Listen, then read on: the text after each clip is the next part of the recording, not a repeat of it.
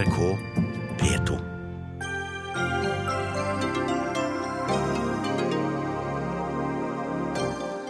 Justisdepartementet innrømmer lovbrudd og vedtar bot for å ha fotografert asylsøkere uten tillatelse i justisministerens skrytevideo. Pinlig, mener Senterpartiets Marit Arnstad. Dropp skattelette som gjør lommebøkene våre fetere. Bruk heller pengene på å finansiere flyktningstrømmen til Norge, mener NHO. Men næringslivet får motbør av Høyre. Fas ut landbruket og bruk tid på industrier som lønner seg, sier økonom. Smålig, svarer Norges Bondelag.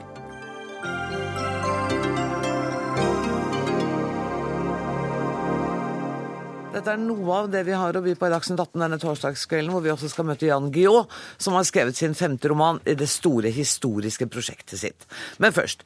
Justisdepartementet godtar altså boten på 25 000 kroner for skrytevideoen til justisministeren. Videoen hvor Anders Anundsen intervjuer ansatte i justissektoren, viser ansiktet til flere av de innsatte på Trandum transittmottak. Dette er mennesker som venter på å bli sendt ut av landet, og det kan ha betydning for deres sikkerhet at ikke identiteten deres blir kjent. Bjørn Erik Thon, direktør i Datatilsynet, det er dere som har bøtelagt departementet. Ser dere alvorlig på denne saken? Ja, det er jo en alvorlig sak. Du har jo gitt en beskrivelse som er veldig presis i innledningen din at uh, dette er folk som er i en uh, veldig utsatt situasjon. Uh, det er folk som helt åpenbart ikke ønsker å bli filmet, og at det ikke bli, skal bli publisert. Og dette er jo opplysninger som også er taushetsbelagte. Det skal ikke utenfor Trandum transittmottak. Og det er det som er alvoret i denne saken, og det var derfor også vi tok opp denne. Dette er jo første gangen et departement er dømt for akkurat dette lovbruddet. Og likevel så er jo ikke boten veldig høy. Nei, Boten er ikke veldig høy. og vi, eh, vi, har hatt noen saker tidligere som ikke har vært mot departementer, men som har vært eh, f.eks. mot butikker som har fanget opp det de mener er et tyveri fra uh, sitt eget overvåkningskamera, og så legger de det ut på Facebook eller et annet sted.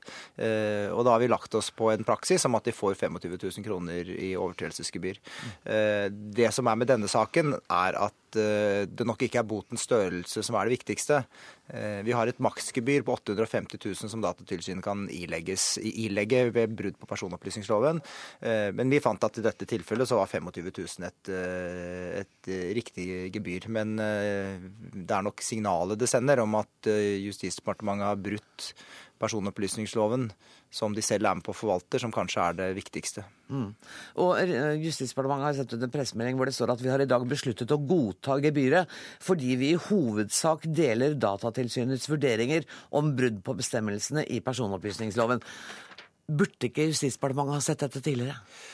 Det er veldig viktig å ha personopplysningsloven eh, langt fremme i panna når man eh, driver med publisering på internett, eh, og spesielt når det er snakk om levende bilder, og opptakene er gjort på et, eh, i dette tilfellet da et eh, utlendingsinternat. Det er helt klart.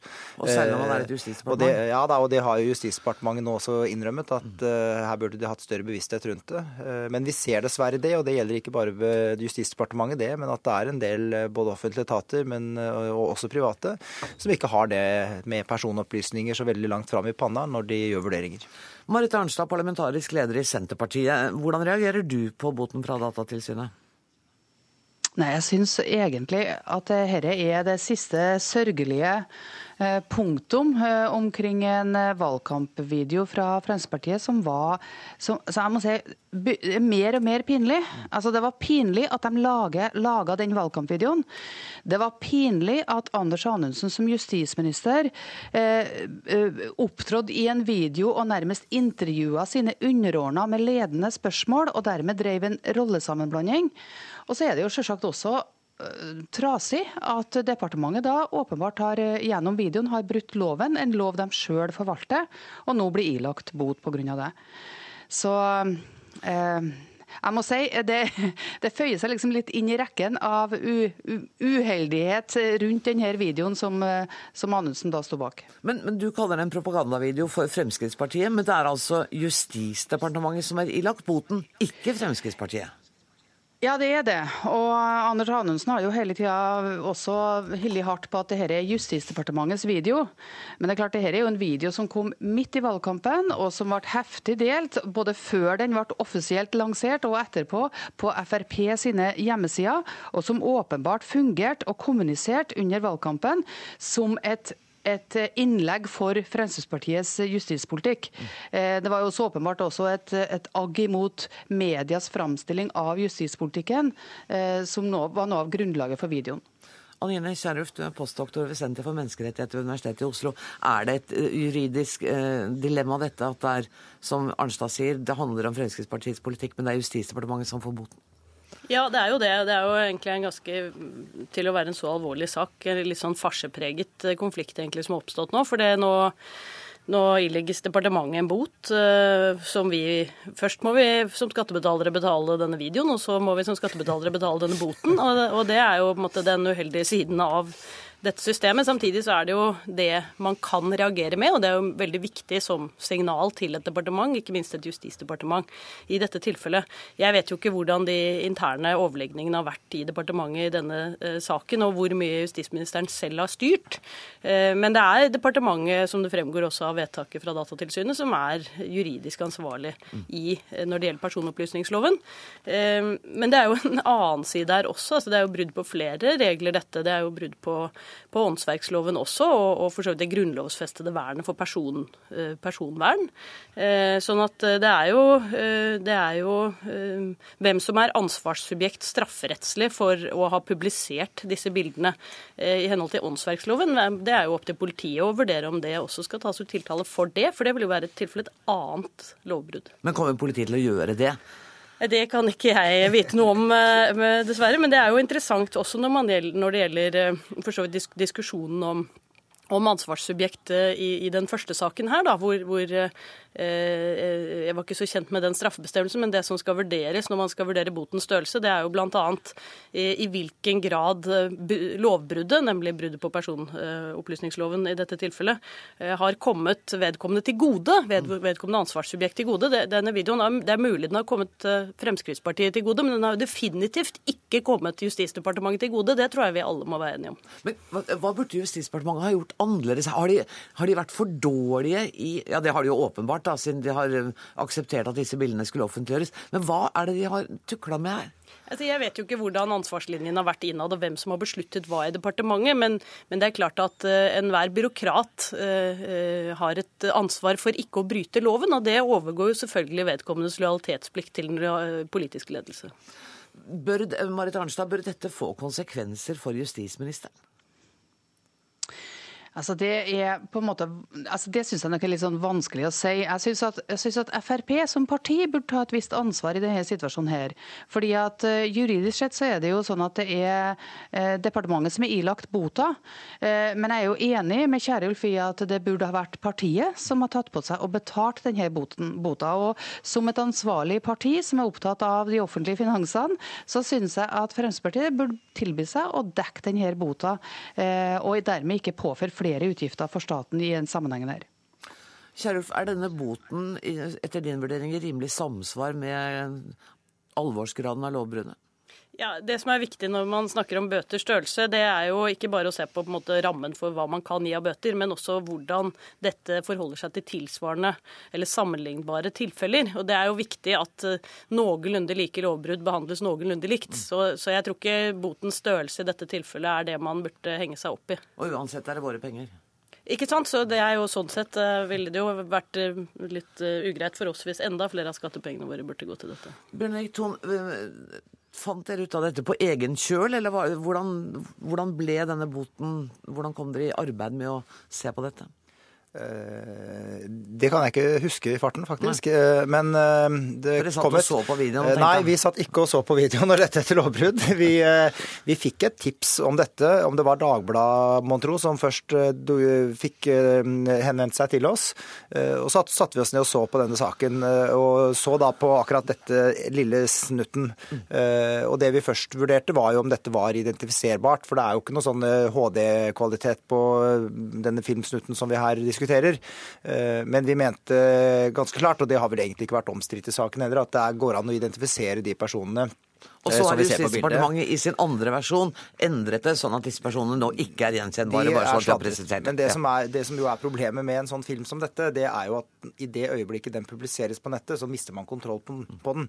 Eh, både den sladdede versjonen og den usladdede versjonen. Eh, og, og det er jo en sånn ekstra tankekors i dette, at idet dette kommer på nett, så er egentlig skaden gjort. Er jo et, jeg syns det er ganske på- påtagelig at vi sitter her og diskuterer dette uten at noen fra departementet er her og diskuterer det med oss. Og om det da er Anundsen ånd som, eh, som sildrer nedover i departementet også på dette punktet. Men det som er viktig i forlengelsen av det Thon sier, det er jo også at mediene selv har et ansvar for videreformidling av dette. Eh, Noen medier ble jo klar over dette ganske fort og sladdet, eh, eller tok denne passasjen ut. Men det er viktig å tenke på også når man deler video på, videoer på nettet. Selv om det er Justisdepartementet som har laget dem, så må man faktisk ta ansvar redaksjonelt selv for hva man videreformidler. Eh, Da skal jeg bare si at grunnen til at Anders Anundsen ikke er her, er ikke at vi ikke har ringt ham, og heller ikke departementsråd Tor Sagli hadde anledning til å komme. Jeg er glad for at dere hadde. Takk til Bjørn Erik Thon, Anjeni Kierulf og Marit Arnstad. Hør Dagsnytt 18 når du vil. Radio NRK.no.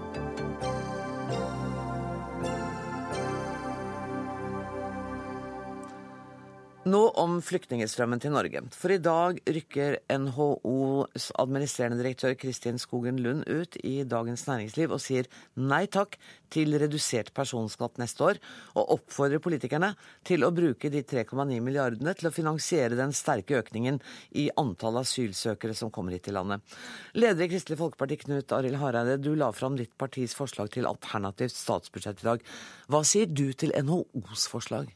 Jeg har forståelse for den tenkningen som NHO bringer på banen her. Eh, De sier at eh, vi får nå en ekstraregning. Da må vi se på gode løsninger for å få det til. Mm. Det har vi òg gjort. Vi har lagt en god sosial profil, en grønnere profil, samt vi gjør budsjettet enda bedre, samtidig som det gir oss inntekter. Og jeg har ikke lyst til å avvise det som nå NHO gjør. Da blir det jo en forskjell på personbeskatning og selskapsbeskatning på, på 1% Det i seg selv er ikke heldig. Samtidig så blir ikke det heller de store skattetilpasningene, iallfall det ene året det eventuelt står. Så det er, en- det er en mulighet som jeg syns ikke vi skal avvise, selv om ikke det er mitt førstevalg. Nei, for hva er ditt førstevalg? Nei, jeg mener at eh, det vi bør gjøre nå, det er at det er helt tydelig at uh, Solberg-regjeringa har lagt fram et uh, ganske bra budsjett på, på mange områder. Gjort uh, mange positive miljøtiltak. Men f.eks. på miljøavgiftssida så har de hatt et, eh, et glideskjær. Altså et, et, eh, der har ikke de helt benytta mulighetene. Mm. Der er det et glipptak. Men jeg tenkte hvis vi skulle forholde oss til eh, problemstillingen rundt flyktningstrømmen, eh, hva, ville vært, hva er ditt liksom viktigste tiltak der? Ja, Der tenker jeg at eh, vi må ta en del av de kostnadene med å f.eks. kanskje vente med noen satsinger for å få det til. Eh, Vi kan ta det med å øke inntektssida, sånn som egentlig òg NHO tar til, eh, tar til orde for her. Men jeg mener jo òg formuesskatten, eh, som eh, Scheel-utvalget sier så tydelig vi bør vente med. Eh, Nå er det en skattereform på plass.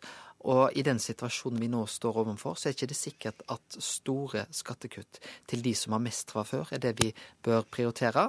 Og da vet vi at selskapsskatten er nok det jeg vil prioritere først og fremst. Det gir de største investeringene. Det er altså åtte ganger bedre opp mot investeringer, og dermed òg sikre arbeidsplasser, enn kutt i formuesskatten. Så det tenker jeg er både tydelig faglig, fordelingsmessig eh, og et bedre virkemiddel å prioritere selskapsskatten foran formuesskatten. Men der tror jeg du er på linje med Kristin Skogenlund. Vi skal høre med henne. Du er med oss på telefonen i nærheten av Gardermoen, hvor du rett opp har landet med et fly. Kristin Skogenlund, jeg håper du er med oss. Um, ja. Hva er det du og næringslivets hovedorganisasjon for, altså du, Dere vil også kutte i selskapsskatten, men er dere villige til å ikke røre formuesskatten? Nei, altså Vi mener jo også at formuesskatt er viktig, fordi det er så viktig for det private norske eierskapet, som er ekstra viktig når man skal skape nye arbeidsplasser, ikke minst i distriktet. Men nå er det sånn at de foreslåtte kuttene i formuesskatten i år er veldig små. Det er snakk om en halv promille. Så det er rett og slett så lite at ikke det eh, blir det store poenget i denne debatten når vi skal, eh, når vi skal dekke inn eh, opp mot 10 milliarder kroner. Men hva vil dere, da? Vil det, hvor skal dere skaffe de ti milliardene fra? Ja, Det vi er opptatt av, det som er litt lett å gjøre når man står i en sånn situasjon, det er å kutte de nye satsingene som ikke har kastet av seg ennå. Og så er det alltid vanskeligere å kutte goder og kostnader man har lagt seg til, men som man kanskje egentlig ikke har råd til. Så det som, Poenget med å gå ut i dag er å si at nå, må, nå er, blir det viktigere enn for noensinne å klare å skape flere arbeidsplasser. og Da må vi ikke falle for den fristelsen. Vi må ikke kutte i det som skal gjøre det lettere å få fart på økonomien. Derfor så vil vi skjerme dette kuttet i selskapsskatten. Der er jeg helt på linje med Hareide. Mm. Vi, eh, vi ser at kuttet i personskatten det er ikke like nødvendig, men samtidig så er det en, det en skatteteknikalitet som gjør at det er et poeng å ha samme sats. Men det kan man løse ved å justere eh, denne trinnskatten, slik at man kan for så vidt ha samme skattesats, men ta igjen provenyet på trinnskatten, slik at man ender ut eh, med en, at man ikke gir en, den lettelsen på 3,9 milliarder. Dette blir litt teknisk. Kan jeg bare spørre om noe? Når det gjelder, eh, For dere sier også noe om pensjonistektepar. Der vil ja. dere utsette å fjerne avkortningen? Ja.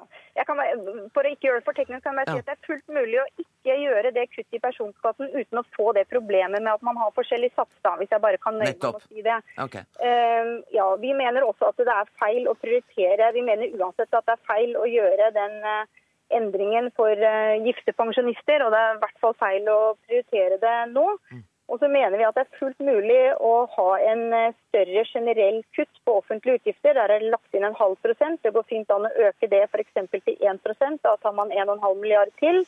Eh, og så mener jo vi at eh, det er en nødvendighet å ha en generell vridning i skattesystemet, men det klarer vi ikke fra i dag til i morgen. Så det, det får vi komme tilbake til.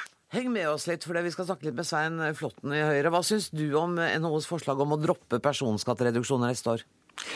Jeg tror det er uheldig. Jeg tror det er viktig at vi har eh, en symmetri i eh, selskapsskatten og i personbeskatningen. Eh, man kan godt si at 1 er lite, men så skal man tenke på at i skattereformen så ligger jo da planer om å gå helt ned til 22. Og hvis man først har gått inn på det prinsippet om at man har forskjellige satser, så kan man få ganske store tilpasningsproblemer. Det har vi opplevd før, og det tror jeg ikke er heldig. Dessuten så tror jeg det er viktig i den tiden vi er nå, å stimulere til arbeid ved at også skatten på arbeid, og særlig de som kanskje tjener mindre, blir redusert. Og Jeg er litt overrasket over at det er så veldig mange forslag til å øke skattene i dag, i en tid hvor vi faktisk trenger å redusere de for å få flere i arbeid, og ikke minst stimulere til å investere i norske arbeidsplasser. Men Flåtten, du skal jo lede forhandlingene som starter på tirsdag. Og jeg må bare være konkret. Hvis du ikke vil gjøre, bruke noen av disse pengene til å dekke inn flyktningstrømmen, vil det da være bistandsbudsjettet som kommer til å bli brukt her hjemme? Jeg vil først og fremst se hva regjeringen kommer med i det såkalte tilleggsnummeret i morgen, og se hvilken inndekning som er der. Det som kommer der, skal inn i de forhandlingene som vi skal drive på Stortinget, og jeg tror vi kommer med fornuftige tiltak i morgen. det forstår jeg, men, men jeg spør deg, kunne, er du interessert i at vi bruker mer av bistandsmidlene her på, på de flyktningene som kommer hit?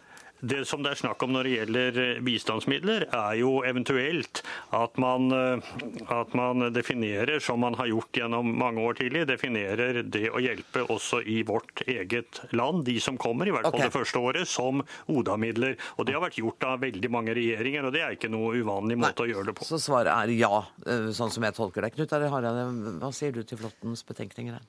Eh, til det som går på bistand, så vil jeg si at ja, det er riktig det at ulike regjeringer har gjort det. Men vi må ikke sette oss i den situasjonen at Norge, det største mottakerlandet av bistand eh, Vi er ofte stolt over det å si at Norge er et av verdens rikeste land. Da må vi òg kunne gi bistand til verdens fattige.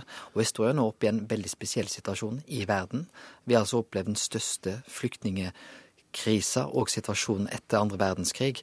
Og vi vet jo det at er vi med på å redusere bistand, humanitær hjelp, så vil jo det kunne føre til at den situasjonen blir enda mer krevende.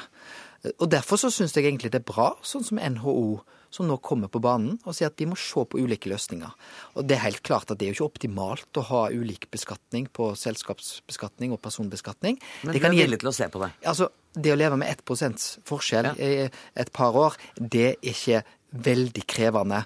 Da tror jeg å eksempelvis ta milliardkutt i bistanden, vil være langt, langt verre.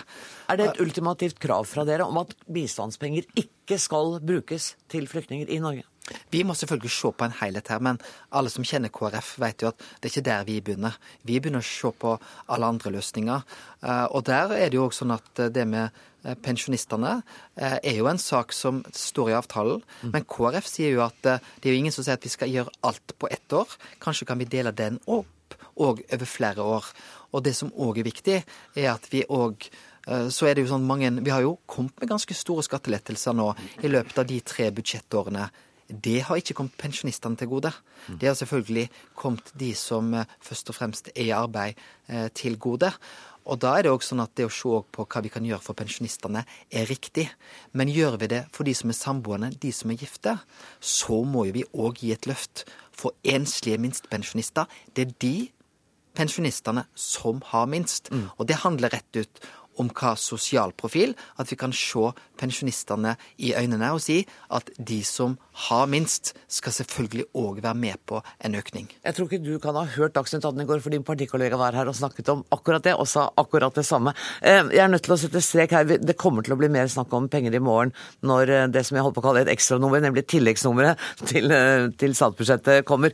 I denne omgang skal dere takke for at dere kom, Knut Arild Hareide, Svein Flåtten og Kristin Skogen Lund. Inn i studio kommer kollega, politisk kommentator her i NRK, Lars Nehru Sand. Hva er det regjeringen egentlig gjør? Tar de fra bistandsbudsjettet, eller omdisponerer de bistandsmidler? Men Som du akkurat har erfart, så kommer det litt an på hvem du spør. og Begge deler er i og for seg riktig. Altså, det er jo innlysende at man eh, flytter de bistandsmidlene, hvis man da velger å bruke dem i Norge, fra andre steder man kunne drevet bistand. Eh, men det er også sånn at det, det ville være riktig å si at man hjelper da eh, mennesker som man kunne hjulpet i Syria, men bare fordi de flytter seg over en grense, altså til Norge, eh, så hjelper man, vil noen si, akkurat de samme menneskene, og derfor bør man kunne føre eh, det som bistandsmidler, eh, men at tiltakene skjer her i Norge. Og Da er det internasjonale regelverk som eh, definerer hva landene kan føre som bistand når det skjer innenriks, eh, eller ut, utviklingshjelp, da, og hva som ikke kan gjøres det med. Jeg syns Hareide hadde en morsom formulering på at Norge kan bli liksom det største mottakerlandet av bistand. Ja, og det, det fra Norges egen bistand, og det er, helt, altså det er en riktig formulering sånn eh, faktisk i hva som skjer. Du, hva vet vi om uh, tilleggsnummeret som kommer i morgen? De nøkkeltallene som allerede er bekreftet lekkasjer, er at regjeringen definerer et merbehov på 9,5 milliarder kroner for å dekke utgifter forbundet med økt asyltilstrømning til Norge bare neste år. Og så vil de også justere opp behovet for hvor mye dette vil koste de fem neste årene. Tidligere har statsministeren sagt 40-50 milliarder over fem år. Vi vet også at man justerer litt opp antallet asylsøkere som ventes å komme til Norge i år, til 30 000, og for neste år til 33 000. Og så er det sånn at vi vet at det allerede er en kø både for å få intervjuet asylsøkerne, og dermed avgjort hvem som skal bli og ikke, og ikke minst å få bosatt de som får opphold. Så det er helt innlysende at dette er en, en situasjon som kommer til å utfordre vår kapasitet i hele asylrekken fra de asylsøkerne kommer til grensen og til de er bosatt i en kommune i veldig mange år fremover. Og det er situasjonen knyttet til asylsøkere og flyktninger som kommer til å bli det store politiske eh, tema. Hvor vanskelig kommer dette til å være for regjeringen med disse samarbeidspartiene som har sterke egne profiler på dette? Ja, akkurat nå veldig kortsiktig i de ukene vi går inn i med arbeidet med å finne et statsbudsjett for neste år, så er det jo klart at disse 9,5 milliardene må finansieres sannsynligvis både ved å ta i skatteopplegget, som nok regjeringen gjerne ville ha gjennomført, ved å ta fra oljepenger, som Venstre helst vil unngå, og ta fra bistandsbudsjettet, som vi har hørt KrF er lite lysten til å gjøre. Og så I tillegg så er det jo da andre hjertesaker eller profilsaker som, som, står i samarbeidsavtalen og regjeringsplattformen. Så her må man eh, samle litt inn fra hver av de, eh, hver av de pengesekkene og, og, finne nok til å da finansiere 9,5 milliarder. Det høres ut som dette blir en mer krevende politisk høst enn det vi hadde i fjor høst? Ja, blir, på, eh, ja, både ja og nei, tror jeg. Eh, for I tillegg til økonomien så er det også innstramminger i, i, lover og regelverk ved siden av. Men så er det jo sånn at i fjor så var det kanskje mer eh, boksing fra, fra eh, altså partiene mellom. Nå ligger det en, en, situasjon som er veldig utenforliggende, som ingen nødvendigvis er, er skyld i. Og det er ikke nødvendigvis vår mening mot deres mening. Det er en sak som må håndteres. Det taler jo for at man kanskje har litt lettere med å finne til enighet. Men samtidig så er det jo eh, inn, eller til slutt da, så er det sterke prioriteringer, hvor vi også hører at det er eh, vanskelig for partiene å, å, gi slipp på sine hovedprioriteringer. Og det må nok alle gjøre. Mm. Vi får se hvordan det går. Tusen takk skal du ha, Lars Nehru Sand.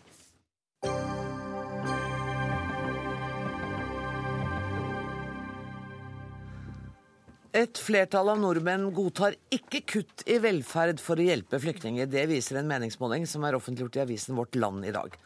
Redd Barna hevder at denne undersøkelsen kommer til å bli brukt av regjeringspartiene for å rettferdiggjøre bruk av bistandsmidler til flyktningene her hjemme. Tove Wang, du er generalsekretær i Redd Barna. Du har tidligere i dag sagt at dette er en dårlig dag for de fattige i Afrika. Hvordan kan en norsk meningsmåling være en dårlig dag for de fattige i Afrika? Altså, man, man må jo se dette i helhet. Og hvis man eh, bruker den undersøkelsen på en sånn måte at regningen skal ikke betales her hjemme, men den skal sendes ut av landet via bistandsbudsjettet, så er det en dårlig dag for fattige Afrika. Og Det som eh, lekkasjene tilsier, da, er at man skal bruke opptil 17% av bistandsbudsjettet. Eh, her hjemme i Norge. Og Men vi skal snakke om meningsmålingen. Vi skal snakke om, for det, det politiske tar jeg med de politiske partiene. Men det du har reagert på i dag, er jo at Vårt Land offentliggjør en meningsmåling som sier at vi er ikke så rause altså, som vi gjerne tror. Ja, også Det er veldig bra at den diskusjonen kommer opp. Det vi har reagert på i forhold til meningsmålingen, er vinklingen på meningsmålingen. Okay. Nå må jeg si at jeg har veldig høye forventninger til Vårt Land. Og måten de snakker om verdens utfordringer på. Der gjør de en kjempegod jobb. Men vinklingen på dette spørsmålet i denne meningsmålingen mener jeg ikke er så veldig fruktbart. Fordi den setter oss opp mot dem på, vis, på et vis. Det er sånn svart-hvitt. Enten velger vi våre egne eh, tjenester og goder, eller så skal vi hjelpe flyktningene. Og det er ikke sånn at det ikke finnes andre løsninger enn det. Og man kan kanskje bruke denne det svaret da, i meningsmålingen som en lissepasning til eh, Frp, som ønsker at vi skal ta større andel av eh, bistandsbudsjettet for å dekke kostnader i Norge. Men kan det ikke rett og slett være sånn at vi nordmenn er litt mindre rause enn dere i Redd Barna har lyst til å tro? Jeg tror nordmenn er ganske rause, og det kunne vært andre spørsmål stilt. Okay. Man kunne ha stilt uh, spørsmålet Eh, hva om du Vil du velge skattelette for deg selv, eller vil du velge å hjelpe flyktningene? Så hadde det vært en noe annen vinkling. Det, den vinklingen som Vårt Land valgte, og som jeg er nysgjerrig på hvorfor de valgte, eh, oser ikke av dugnadsånd. Det er liksom Enten er det vi som skal ha noe, eller så skal vi hjelpe flyktningene. Og det er ikke så svart-hvitt. Helge du er sjefredaktør og administrerende direktør i Vårt Land. Valgte dere bevisst en litt tendensiøs spørsmålsstilling? Vi har observert at denne høsten har vært en stor, et stort stemningsskifte i forhold til flyktninger og innvandrere Norge, til Norge. Det var særlig de sterke bildene som kom fra Middelhavet, som tror jeg bidro til det.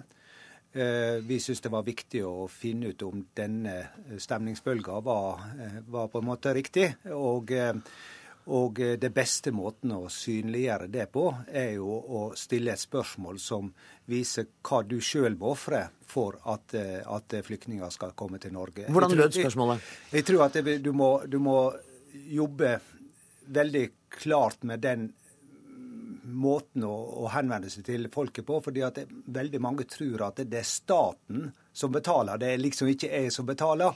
Men når sjøl skal betale, hva blir det da? Eh, og det er det vi har fått et, et, svar på. Og så kan han diskutere om dette spørsmålet er godt stilt eller metodisk riktig og alt samme ting. Det er jeg fullt med på, men jeg er kjempeglad for at vi fikk utfordra folk på akkurat denne problemstillinga. Men, men, at du er med på diskusjonen om det er metodisk og riktig stilt, burde ikke det være en debatt dere hadde tatt i forkant? Jo, men det har vi jo alltid debatter på når vi lager spørsmål. Så dere er fornøyd med spørsmålet? Ja, jeg, jeg mener at det, det, viser noen skillelinjer. Det viser hva det dreier seg om. Og eh, det er veldig viktig, selv om vi får gode ord fra, fra, fra Redd Barna her, så er det veldig viktig for meg å understreke at det, vi driver journalistikk. Vi er ikke en aksjonistisk avis. Selv om vi på lederplass er veldig positivt både til bistand og til innvandring, så driver vi ikke aksjonsjournalistikk. Vi ønsker en åpen diskusjon om ja, dette. Og det, det, tror jeg samfunnet vårt eh, har godt av. Og jeg tror også at Redd Barna, når de får tenkt seg om, ser at dette er en bra diskusjon å få opp. Jeg er helt enig i at det er en bra diskusjon å få opp. Men jeg stiller fortsatt spørsmålstegnet ved om vårt land har brukt denne situasjonen klokt i forhold til å skape et mer nyansert bilde på de løsningene som finnes i budsjettet. Om det er sånn at det skal kuttes i mine tjenester opp mot hjelp til flyktninger. Vi mener at det er andre løsninger. Men da vil jo du bruke vårt land som en aktør for dine holdninger. Simone sier at det han driver er journalistikk. Du vil ha han til å gjøre noe annet. Ja, men altså, Vårt land er en kjempeviktig samfunnsaktør og blir lytta til. Og vi, som jeg sa innledningsvis også, vi stiller ganske ja, store forventninger til vårt land. Jeg mener De er jo på solidaritetssida. Og det har de kanskje ikke helt vært i valg av spørsmål til denne undersøkelsen. Da vil jeg bare understreke veldig sterkt at vi er på solidaritetssida, men vi mener at all erfaring tyder på at vi må våge å diskutere de reelle spørsmålene. Mm. I Sverige har det vært et ganske stort problem at ikke en har vært villig til å diskutere spørsmålene. For noen år siden så hadde vi en svær diskusjon eh, når Fremskrittspartiet foreslo at det, vi skulle lage et innvandrerregnskap. Det var det veldig mange politikere som var imot, og jeg tror også vårt land var imot det. I ettertid så ser jeg at det er ganske dumt å prøve å feie ting under teppet. La oss få det opp i en åpen diskusjon, la oss få det fram. Og det er det journalistikken handler om, og det er det som er oppgaven til journalistikken. Spørsmålet er jo om det er sannheten som nå har kommet fram ved det spørsmålet som er stilt. Det er vel det Redd Barna altså, lurer på. Er dette det riktige bildet? Det vet vi aldri. Og så får vi håpe at kanskje andre stiller andre spørsmål, og at det genererer en god debatt. Det håper jeg virkelig. Men jeg vil minne om at det Journalistikk er historiens kladdebok. Vi kan aldri få det helt perfekt, men journalistikken har en fantastisk evne til å få opp de viktige spørsmåla og diskutere dem på en god måte. Men det som er poenget her, er at man kunne også ha pekt på andre løsninger. Vi har pekt på en annen løsning for å innhente disse pengene som vi nå trenger i 2016. Ja. Og en måte å tenke på er at ja, i 2016 kortsiktig må vi kanskje ta noe mer av oljefondet, men i 2017 så kunne vi ha tenkt mer langsiktige løsninger. Alt fra transaksjonsskatt på finanstransaksjoner, vi kunne tenkt solidaritetsskatt på fly, vi kunne ha tenkt opprettelse av et gavefond under oljefondet. Så tenke kortsiktige og langsiktige løsninger, og ikke bare tenke enten er det jeg som må gå ned i mitt tjenestetilbud, eller så må vi hjelpe flyktningene. Og dette kommer vi til å fortsette å diskutere i hele samfunnet, tror jeg. Tusen takk for at dere kom, Tove Wang og Helge Simones.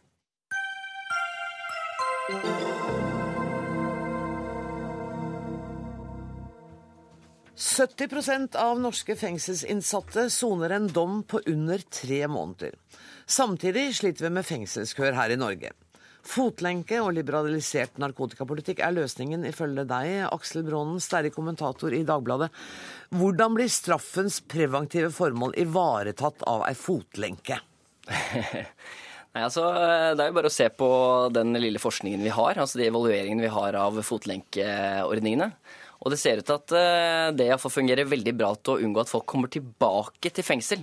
Okay. Og jeg tror, eh, jeg tror, ikke vi har noen god forskning eh, eller noen gode indisier som sier at fotlenke er mindre avskrekkende enn det andre typer fengselsformer er. Det tror jeg vi har ingen indisier for. Og da tenker jeg at bevisbyrden iallfall ligger på de som ønsker veldig strenge straffer når vi da bør anerkjenne at straff tross alt er et eh, nødvendig onde, men altså et onde. Men du etterlyser også en mer liberal narkotikapolitikk. Hvor, hvor liberal vil du at den skal være? Eh, jeg vil at den skal være ganske liberal, eh, i den forstand at vi trenger å regulere det. Eh, på lik linje med Vinmonopolet så bør man ha andre typer rusmidler. Vi har veldig veldig stor suksess med å ta det veldig farlige rusmiddelet alkohol inn på polet, ha regulerte former. Mens derimot narkotika eller andre typer rusmidler, de har vi altså fritt flytende bare du har litt gode kontakter, så får du tak i det. Dessverre i altfor urene former, slik at folk både dør av overdose og får utrolig mye skader av det. Så vi kunne hatt et narkopol? Det kunne vi. Ja, Ok. Hvor mye Hvis vi hadde innført det, og fjernet eh, straffene for eh, bruk og besittelse, eh, omsetning, alt det, mm. har du gjort noen eh, anslag på hvor, hvor mange fengselsplasser vi ville ha spart da? Eller hvor, hvor stor reduksjonen ville ha vært? Ja, altså Vi ser at iallfall en tredjedel av de eh, som sitter i norske fengsler, er på narkotikadommer. Eh, men det er jo bare det lille vi kan spare i Norge. Nettopp. det er jo mye verre at eh, er, vi snakka litt om det før, at det er 100 000 mennesker som anslås, eh, anslås til å eh, dø eh, som følge av krigen mot narkotika bare i Latin-Amerika. Eh, vi ødelegger områder også i Midtøsten, så det er noen utrolig store konsekvenser av den politikken vi fører. Bjørn Siem Knutsen, du er sentralstyremedlem i Fremskrittspartiets Ungdom, og du er med oss fra et studio i Bergen.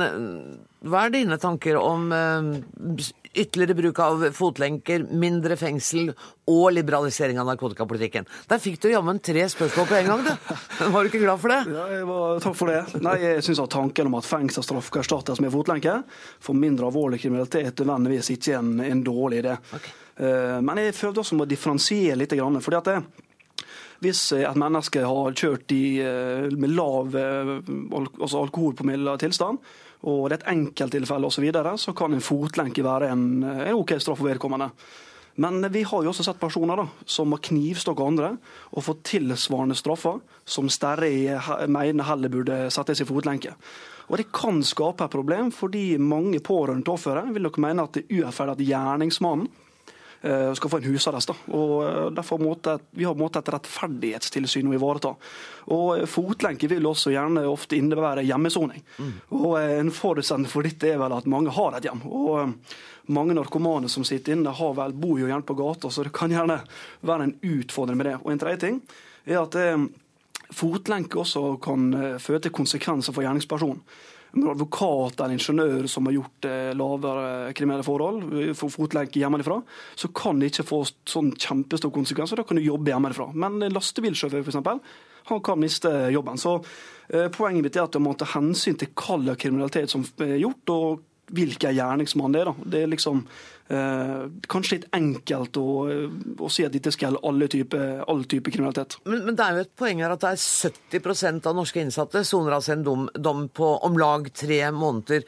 Og hvis man hadde fått økt bruken av fotlenger eller andre soningsformer, så ville vi ikke hatt behov for fengselsplasser i Nederland. Er ikke det et tankekors? Nei, altså, Jeg er enig, og vi i Fremskrittspartiet er veldig for at man skal diskutere eh, midler for å få ned fengselskøene. Men det som jeg sier da, eh, det kommer an på hva kriminelle forhold som er gjort. Det er forskjell på å overskride et par eh, promille i å kjøre en bil, enn å stikke folk eller rane folk på gata. Så man må skille litt hva som faktisk er gjort for at vedkommende skal få fotlenke, eller havne bak lås og slå. Kristian Tonning Riise, du er leder i Unge Høyre, og ditt parti er jo enig i mye av det som eh, Sterri mener. Ja, så jeg mener det er eh, fornuftig å se på en mulig økt bruk av elektronisk soning. Både for å få ned eh, soningskøen, men også særlig overfor eh, unge lovbrytere, så, er det, så kan fengsel være veldig kontraproduktivt. Mm. Vi vet at sjansen for tilbakefall er veldig stor når unge mennesker havner i fengsel. og Derfor så bør det være et mål og så langt som mulig unngå at unge mennesker havner i fengsel. Og Da kan det å sone med, med fotlenke være et, et bedre alternativ. Jeg var overrasket da jeg så at så mye som 70% av fangebefolkningen i Norge er folk som soner en straff på tre måneder eller mindre. Det var jo et veldig høyt tall på de små straffene. Ja, altså Tilbakefallsprosenten er, er veldig høy. Det er veldig mange som, har, eh, som, eh, som, har, eh, som sitter inne kortere tid, og som du, du ser igjen i rettssystemet gang etter gang etter gang. og da vi jo kanskje spørre oss om, eh, om, det, om den bruken av fengsel f.eks. Er, eh, er spesielt smart. Jeg tror at For mange så kan det kanskje være, så kan fengsel altså virke på den måten at det nesten blir en sånn kriminalitetsskole, mer enn, mer enn det blir en, eh, et sted hvor du blir rehabilitert. Eh, Og Det gjelder jo særlig unge mennesker som er mer lettformelige enn eldre mennesker, som kanskje det er som har gått i en kriminell løpebane i mange år, og som på en måte kanskje er vanskeligere da å rehabilitere tilbake til samfunnet etterpå. Men hva syns du om narkotikaliberaliseringen til Sterne, da? Nei, altså jeg tenker at Det er mye vi kan, uten å havne rett i en sånn legaliseringsdebatt med en gang, så burde vi i hvert fall kunne ha en diskusjon om straffenivået. For det er sånn at Straffenivået i Norge blir jo sett på som, som ganske mildt. Men i tilfelle narkotika så har jo faktisk Norge en av de ja, en av de strengeste politikken i, i, i hele verden. Blir i hvert fall av mange omtalt som et av de strengeste regimene. Vi vet at en tredel av eh, innsatte i Norge sitter inne for eh, narkotikaforbrytelser. og da tenker jeg at i hvert fall Særlig ikke-voldelig narkotikakriminalitet syns jeg vi har et veldig sånn hysterisk strafferegime for i Norge. Når politiet da samtidig sier at vi har ikke ressurser til å etterforske ting som voldtekt, andre voldsforbrytelser. Vi hadde nylig en, en sak som VG kjørte om spredning av barneporno, hvor politiet også sa at vi har ikke ressurser nok. Så fremstår det for meg som en veldig rar prioritering at man bruker så ekstremt mye ressurser på å etterforske eh, og etterfølge mildere narkotikaforbrytelser. Aksel Brånen Sterre, du har tidligere sagt at Unge Høyre har vært litt utydelig i synet på fengselsstraff og narkotikapolitikk. Det er ikke mye utydelighet her nå? Det er jo helt på linje med deg, rett og slett? Ja, definitivt. Eh, og det kan hende det er en urettferdig kritikk å rette den mot eh, Unge Høyre og kanskje også FPU, men nå har jo tross alt de moderpartiene dere sitter i regjering og har mulighet til å gjøre noe. Så at de sitter her nå er fullstendig enig med meg om at man både, både må gjøre noe med narkotikapolitikken og med å få inn flere fotlenker. Da tenker jeg at det er viktig at de kommer på banen og presser sine moderpartier. For dette er så på høy tide. Og jeg syns at FPU her er litt, litt mer uklare enn det Tonning Grise fra Unge Høyre er. fordi her er det altså hensynet til eh, de rundt som skal ha veldig mye å si. og det er på en måte Eh, så er, Hvis noen har på en måte gjort noe galt, eh, og, ikke, og straffen da ikke virker preventivt, så skal den bare være for at de skal få en deilig følelse. og Det, det, det, det er en ting jeg tror vi må kvitte oss med i rettssystemet vårt i, i stor grad. Vi bør ha et mye strengere system som handler altså om at vi skal ha så strenge straffer som gjør at de altså er preventive, men ikke noe mer. Vi må anerkjenne tross alt straff er et stort onde. Og det å på en måte ta, ta sånn frihetsberøvelse for mennesker som har gjort noe dumt, det er, det er ikke noe bra. Bjørn Siem Knutsen? Ja, jeg reagerer litt på det fordi at du sier at straff er et onde, og du syns det er dumt at folk straffes hardt. Men straff skal være et onde. Det er derfor vi har straff. Altså, Dersom man begår kriminalitet og bryter loven, og eh, da skal man eh, få konsekvenser for det. Og Du sier det at sitat, fengselsoppholdet gjør at straffedømte tas ut av samfunnet, vekk fra jobben og familien. Altså, sitat slutt. Dersom en person syns det er trist å ikke se familien sin og miste jobben sin, så burde vedkommende ha tenkt på dette før han gjorde de kriminelle handlingene. Jo, man aksepterer, altså, hvis, hvis, du, sånn som vi vet, da, at eh, eller iallfall fall det, de beste bevisene vi har, tyder på at det å ha fotlenke er eh, mer effektivt for å rehabilitere disse tilbake i samfunnet. Eh, ønsker du likevel, på tross av det, å straffe dem? Ja eller nei? Nå blir det bare fikk et ja eller nei fra Siem Knutsen. Eh, svaret da nei. Hvis nei. du har gjort alvorlig voldskriminalitet, så skal du bare i fengsel. Ikke, ikke husarrest. Der må vi sette strek, for tida løper så utrolig fort. Men det var hyggelig å ha dere her, Aksel Bronnen Sterri, Kristian Tonning Riise og Bjørn Siem Knutsen. Dagsnytt 18 alle hverdager klokka 18. På NRK P2 og NRK2.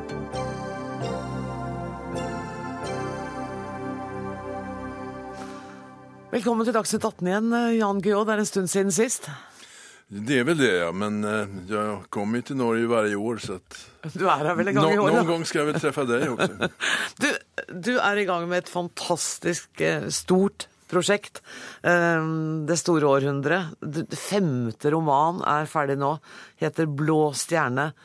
Handler om andre verdenskrig, om motstandskamp både i Sverige og i Norge og hovedpersonen er Janne. Det som gledet meg, er at du har fått mye ros for at du har latt kvinnen bære denne historien. Og vet du hva, jeg syns hun fortjener det. Takker, takker. Ja, det er ikke så mye å kommentere. Altså, jeg... Jo, hvorfor valgte du henne som den, det bærende elementet? Det kunne valgt faren hennes eller en mann. Av et, eh, fra begynnelsen av et mye enkelt skjell. Derfor at jeg uh, hadde uh, planera, jag har planerat länge att den femte boken ska bli en spionroman. Mm. Och eftersom det är spioneri på 1940-talet så är det inga som helst svårigheter att låta kvinnor komma sköta den verksamheten.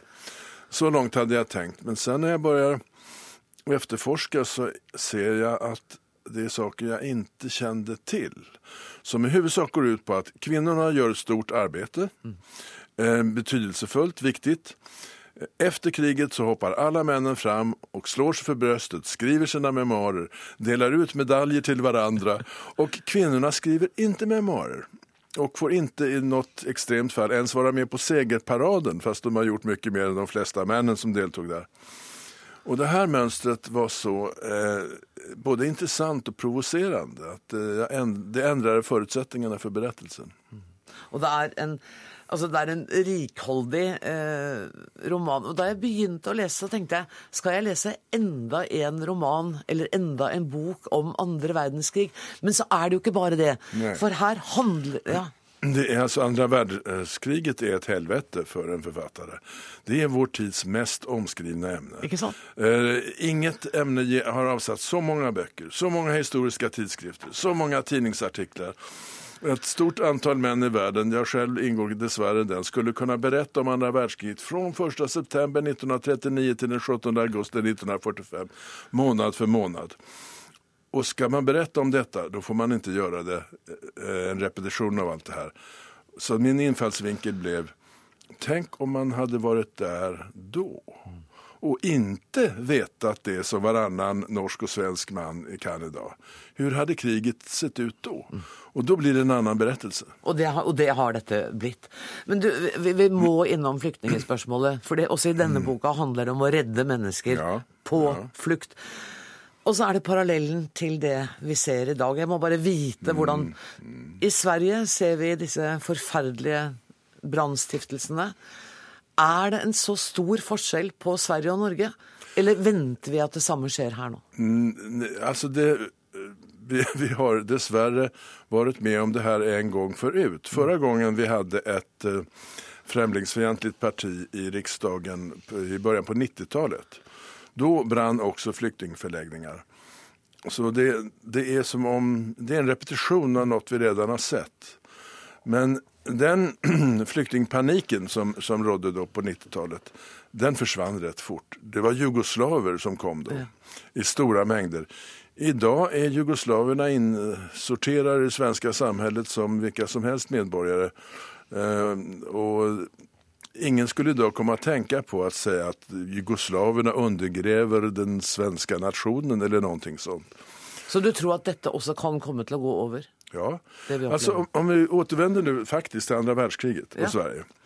Så hade vi eh, 30-40 000 flyktingar från eh, Norge. Vi utbildade 15 000 av er till soldater. Vi hade 10 000 från Danmark. 80 000 barn, ensamkommande barn från Finland och sen de följande åren ytterligare 300 000 finnar. 100 000 flyktingar eh, från Baltikum och, och Polen. Och sen fortsatte det så där. Vi har alltså 1956 kom alla ungrarna. Eh, 1968 så kommer alla, eh, först polackerna och sen eh, og tjecker mm. och slovaker. 1973 kom alla grekerna och, eh, nej förlåt det var 67. Det er 73 kom chilenarna och så vidare. Alltså hundratusentals människor har invandrat tidigare och blivit en del av Sverige.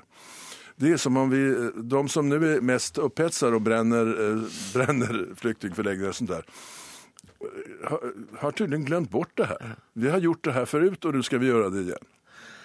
Men du, tilbake til boka. Når jeg, når jeg hører deg snakke, så tenker jeg at det du, har, det du har gjort, er jo å gripe fatt i individer i denne store romanserien din.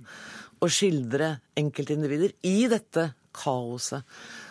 Hva, er neste, når, hva handler neste bok om? Kan du røpe litt?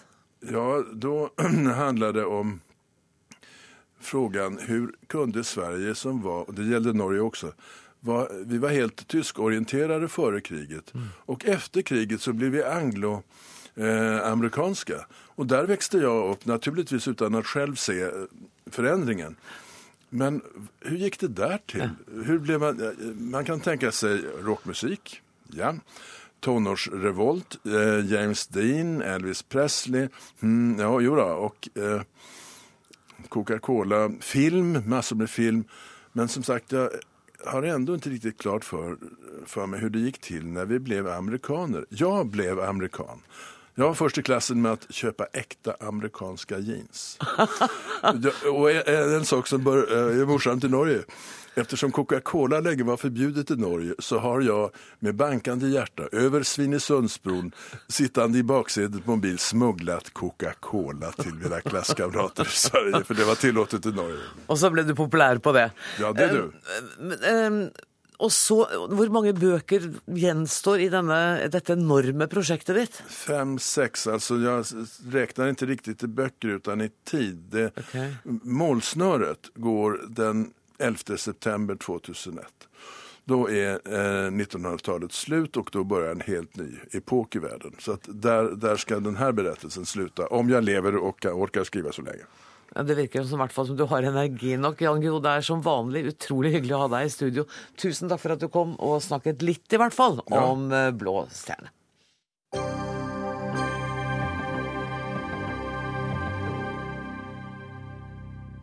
Norge er uegnet til å produsere mat. Landbruket påfører Norge et sitat, økonomisk velferdstap på 40 milliarder kroner.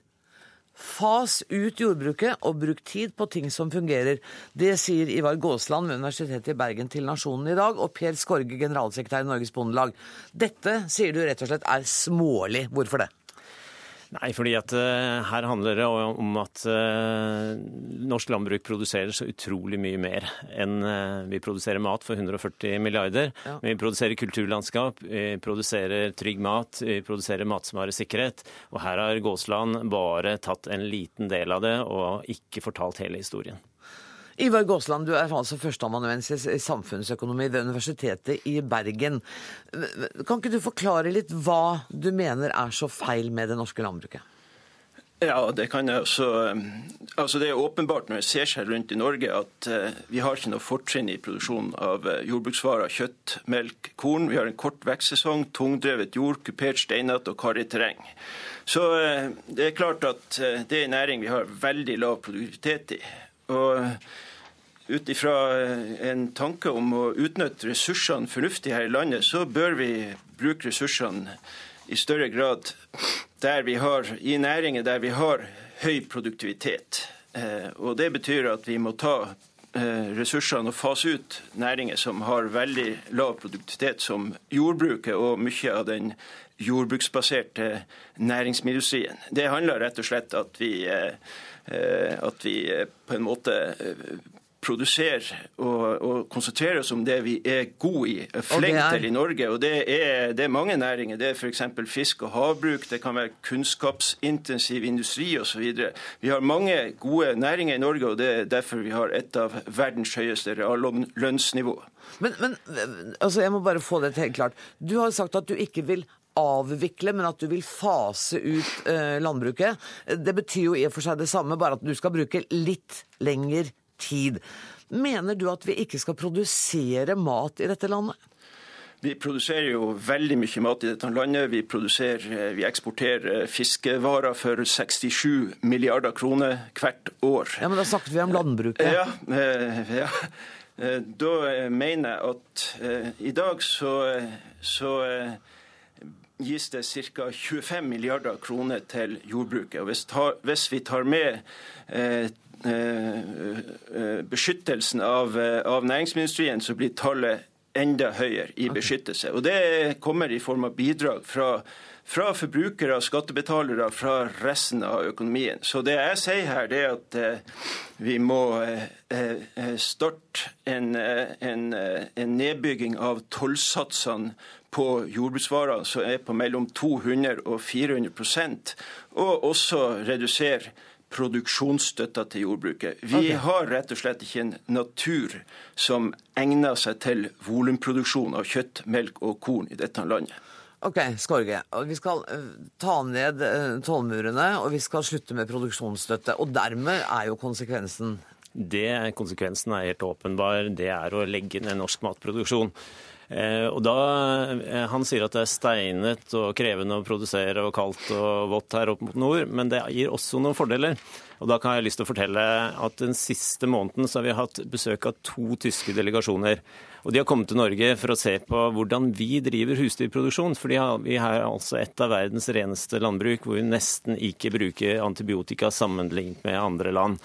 Og når vi snakker om verdier, eh, så kan jeg bare fortelle om at eh, i Europa så har vi altså 20 000-30 000 dødsfall knyttet til antibiotikaresistente bakterier. Og kostnaden med det er, overgår et norsk statsbudsjett hvert eneste år. Dette er bare et eksempel som illustrerer at eh, Gåslands regnestykker er altfor små og snevre. Modellene hans eh, overskygger hva det, det norske landbruk faktisk betyr for det norske folk. Så egentlig er overføringene til landbruket, de statlige overføringene, ikke for store i det hele tatt? Eh, nei, altså vi putter inn 14 milliarder over statsbudsjettet hvert år. Og så har vi en omsetning eh, ut fra industrien og norske matvarer på 140 milliarder. Og La meg bare ta ett perspektiv til. Eh, vi har eh, et underskudd på eh, Fastlands-Norge på rundt 160 milliarder kroner hvert år. Gåslands forslag er jo faktisk da å doble det underskuddet hvis du skal importere maten isteden. Og det er en usedvanlig slett idé sett inn i perspektivet med en krevende situasjon i oljenæringa og økende arbeidsledighet. Gåsland. Ja, det var mange ting her. Altså, ja, men Ta det siste først. Ja, Det, det er riktig at, eh, at nærings, eh, den jordbruksbaserte næringsindustrien næringsmiddelindustrien er, er, Norges nest største eller største fastlandsindustri. Og det er nettopp et av problemene. Rett og slett for at det er en næring med veldig lav produktivitet. Og som kun er, eh, er, Årsaken til at det er, er, den nest største eller største fastlandsindustrien, det er jo at det er en beskytta næring. Og det er ingen problem å bli stor næring, ha høy produksjonsverdi, høy sysselsetting, hvis du i stor grad er skjerma for konkurranse fra, fra andre land. Og, og det at den mest beskytta næringa skal på en måte være lokomotivet i industrien i Norge, det lover jo ikke bra for, for fremtida hvis vi faser ut uh, oljeindustrien. Da trenger vi å ha produktive næringer som lokomotiv, ikke ei tungt beskytta næring. Men Gåsland, det perspektivet som Skorge er inne på med uh, antibiotikaresistente bakterier, med at vi har reineste, det reineste dyreholdet i Europa, er det aspekter som da ikke kommer med i ditt regnestykke? Det er aspekter som ikke kommer med i mitt regnestykke. Her vil jeg bare påpeke at selvfølgelig ikke er noen ekspert på bakterier og antibiotikaresistens. Eh, men, men en observasjon først. Det er jo at eh, Bondelaget eh, på en måte fremstiller mat fra andre land som nærmest farlig. Og det er Eh, er, de kommer med påstander som er veldig vanskelig å etterprøve. Når det gjelder antibiotika, så vet jeg jo at iallfall i Norge så gis eh, mer enn 80% av antibiotikaen det gis til humant bruk. Og eh, det er det som eh, antibiotika som gis til, eh, til, til mennesker, som er, er, det største problemet når det gjelder antibiotikaresistens. Men okay. det betyr ikke selvfølgelig at ikke antibiotika kan overføres fra, fra dyr til, til, mennesker. Men her er jo spørsmål. Dette er noe som er grenseoverskridende. Skal vi sette oss på vår lille tue her og bygge myrer rundt oss, eller skal vi inngå internasjonalt samarbeid på dette? Hvis du skal følge logikken til Bondelaget her, så bør vi da også forby nordmenn å reise til utlandet. Det har du ikke tenkt? Nei, på ingen måte. Men jeg syns han Gåsland må få nesa opp av modellene sine. Og vi har akkurat hatt besøk av Guillot her i, Dags 18 eh, med krigen som perspektiv. Og faktisk eh, ta ett et perspektiv til. Og I løpet av de siste 200 år så har vi tre ganger vært blokkert for import av matvarer. Og ikke lenger tilbake i 2010 så stoppet Ukraina, Kasakhstan og Russland hveteeksporten. Og Svartehavslandene står for rundt 25% av verdens hveteeksport. Altså eh, forsvar og matvareberedskap, matvaresikkerhet, er også en side av dette her. Så det er mange verdier her som Gåsland hopper lett over. Og så henger han seg opp i eh, tollsatser osv. som er helt nødvendig, men som jo selvsagt ikke svarer på de store utfordringene som vi står overfor, og betydningen av norsk landbruk. Mye av historien glemmer han helt. Mm. Men du er ikke alvorlig redd for at hans argumenter kommer til å slå inn så kraftig i politikken at vi i løpet av kort tid er uten et norsk landbruk? Nei, det må jeg innrømme at jeg ikke er. fordi at folk flest ser jo det at, eh, at vi bidrar med store verdier og også eh, mye sysselsetting og stor aktivitet ute i Bygde-Norge. Så vi har mange støttespillere. Men det er en nyttig debatt eh, å måtte ta en gang imellom for å se på seg sjøl og utvikle seg. Ja, det, Gåsland skal få poeng for det. At han i hvert fall reiser eh, viktige spørsmål eh, som, som, gir en anledning til å fortelle hva norsk landbruk bidrar med. Tusen takk skal du ha, Per Skorge. Tusen takk også til Ivar Gåsland. Denne Dagsnytt 18-sendinga er slutt. Ansvarlig i dag var Ida Tune Ørritsland. Det tekniske ansvaret har Lisbeth Sellreite. Jeg heter Anne Grosvold og takker for meg med det.